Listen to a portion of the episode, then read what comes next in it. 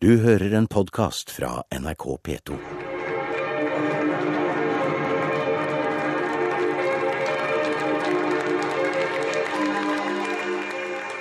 Ja, det ble en del applaus og mye jubel da Dior sin nye sjefdesigner viste frem sin første kolleksjon for motehuset i Paris i går. Dior har lagt bak seg et år med mye drama etter at den omdiskuterte John Galliano fikk sparken og ble dømt for jødehets. Men den nye sjefdesigneren, Raff Simons, holdt sitt eh, hot couture-show i Paris i går. Absolutt strålende, uttalte designer Mark Jacobs, som bare var én av et usedvanlig stort kobbel av kjente designere som var til stede. Mette Mortensen, du er motejournalist i kostyme. Du var dessverre ikke i Paris i går, men du har sett eh, visningen på nettet. Hva, hva synes du? Jeg syns den var helt fantastisk. Jeg skulle veldig, veldig gjerne ha vært der. Um, han har på en måte tatt den estetikken fra Jill Sander og overført den til Dior. Og gjort en helt utrolig bra jobb. Og jeg tror det var eh, stående applaus i hele rommet. Hele de fem rommene han viste i. Det var eh, det forrige stedet der Rough Simmons eh, jobbet. Men det, altså, hvordan vil du beskrive det som han viste frem? Han hadde, tatt, han hadde dyppet ned i arkivet til Dior og uh, hentet referanser fra uh, sent på 40-tallet, da, da, Christian Dior viste sin uh, New Look-linje. Hva var den New Look-linjen? Hvordan så den ut? han kalte kvinnene blomsterkvinner, hvor det var veldig basert på det arkitektoniske og formen på blomster, og hvordan, hvordan det kunne gjenspeiles i kvinnekroppen med Så han hadde f.eks. en jakke som han kalte the bar jacket. Som hadde smale, avrundede skuldre, store slag og kjempeliten midje med en liten vipp ut nederst. Og dette har da Raff Simmons gjenskapt. Um, med disse snittene som er kjempefeminine og flotte på kvinnekroppen. Rett og slett. Vi har også med oss Kjell Nordstrøm, du er klesdesigner, med oss eh, på telefon. Det er kanskje mange som kjenner deg bedre som baron von Bulldog. Du har bodd i Paris, du har jobbet for Jean-Paul Gaultier bl.a., og har også sett på visningen til Raff Simons. Hva synes du?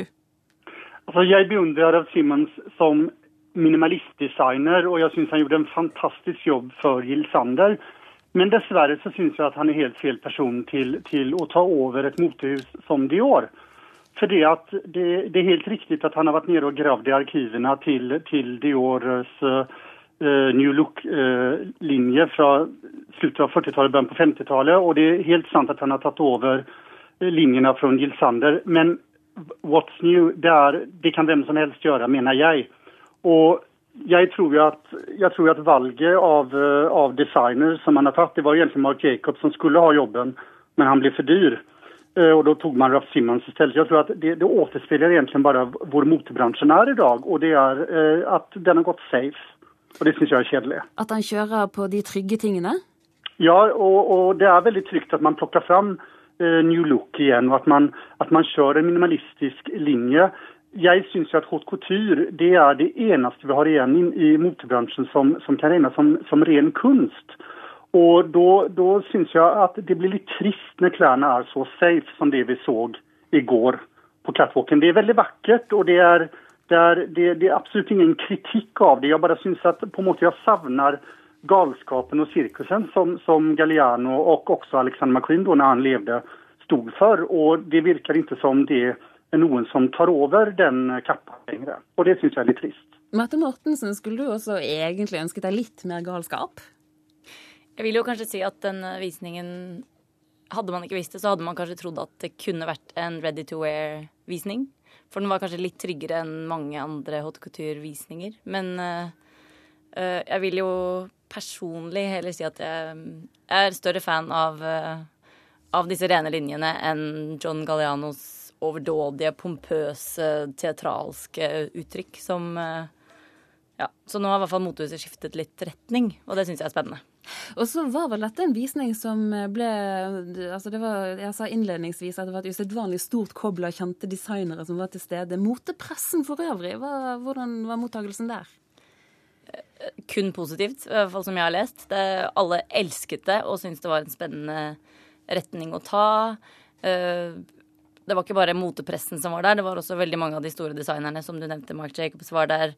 Diane von Fostenberg var der. Alber Elbas fra Lanvin var der. Uh, Donatella Versace var der. Det var stjernespekket på Alle stolene var liksom fulle av uh, kremen av kremen. Og men, men, om jeg, jag vil ikke avbryte, men, men jeg syns kanskje at alle de navnene som du regner opp nå, inklusive Anna Wintour fra Vogue, som satt og klappet hender, de tilhører den på en måte generasjonen dinosaurer da, som, som sitter og klapper hender for det at de ønsker De representerer jo også den delen av motebransjen som er safe. Uh, at Mark Jacobs uh, klapper hender, det, det er bare et spill for kulissene. For at han ville jo egentlig ha jobben, men, men kosta for mye penger, og, og så han fikk den ikke. Så dette er jo bare et spill som man på en måte gjør. Og jeg tror ingen i bransjen ville sagt at det er noe stygt i at man drar fram gammel Dior igjen og, og gjør rene linjer. For at alle som har sina, ved sine sinnens fulle fem, syns at dette er veldig vakkert og det er veldig estetisk. Men det er på noen, någonstans i det Jeg tenker litt som man gjorde med Yves Saint Laurent når man tok inn Stefano Pilates for ti år siden og mente at han skulle på en måte fornye YSL.